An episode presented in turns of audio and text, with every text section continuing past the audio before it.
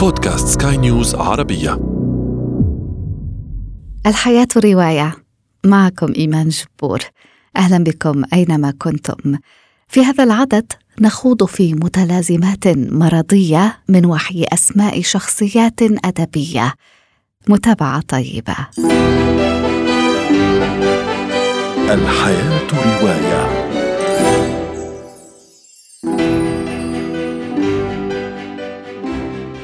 تعرف المتلازمة على أنها مرض أو اضطراب يتضمن مجموعة معينة من العلامات والأعراض.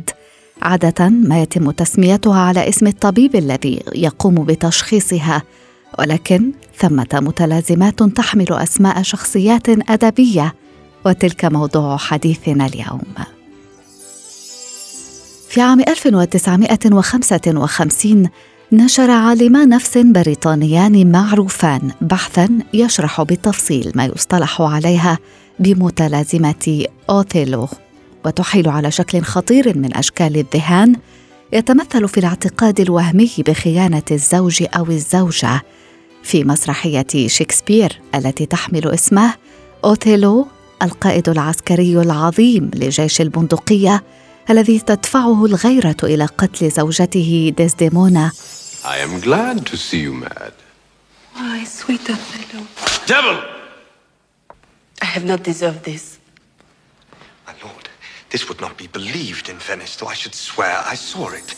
أوثيلو التي يقول فيها شكسبير إن النفوس الغيورة لا تهتم بالبراءة ولا تجيئها في الغالب نوباتها عن سبب بل تغار لأنها تغار وما الغيرة إلا بهيمة شاذة تلقح من نفسها وتتولد من نفسها.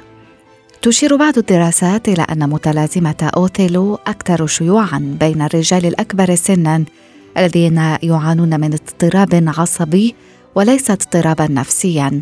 وكما في مسرحية شكسبير يمكن أن يقدم المصاب بهذه المتلازمة على قتل شريكه أو على الأقل الشك المرضي في كذبه وخيانته.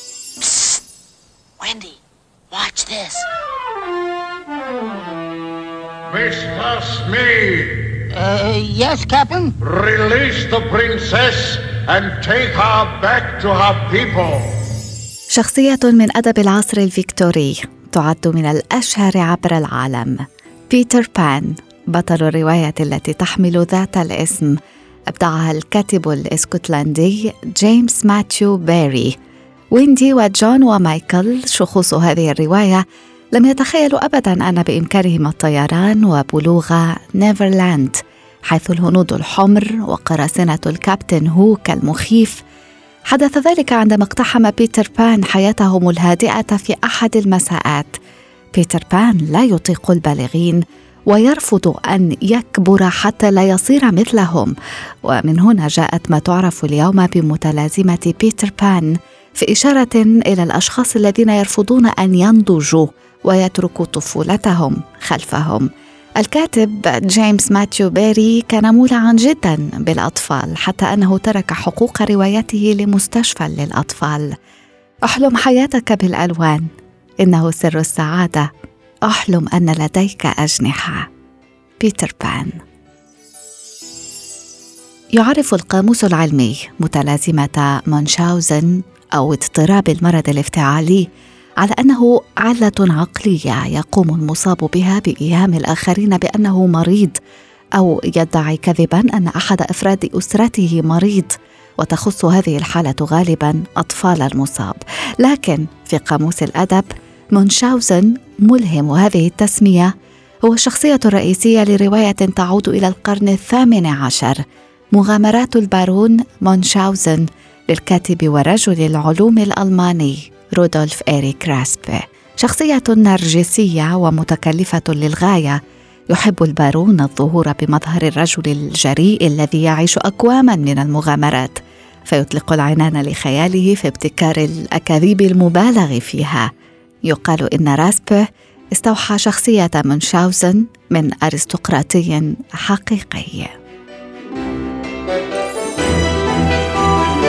الحياة رواية. أشكركم على طيب إصغائكم. كنت معكم إيمان جبور. يتجدد لقاؤنا في العدد المقبل.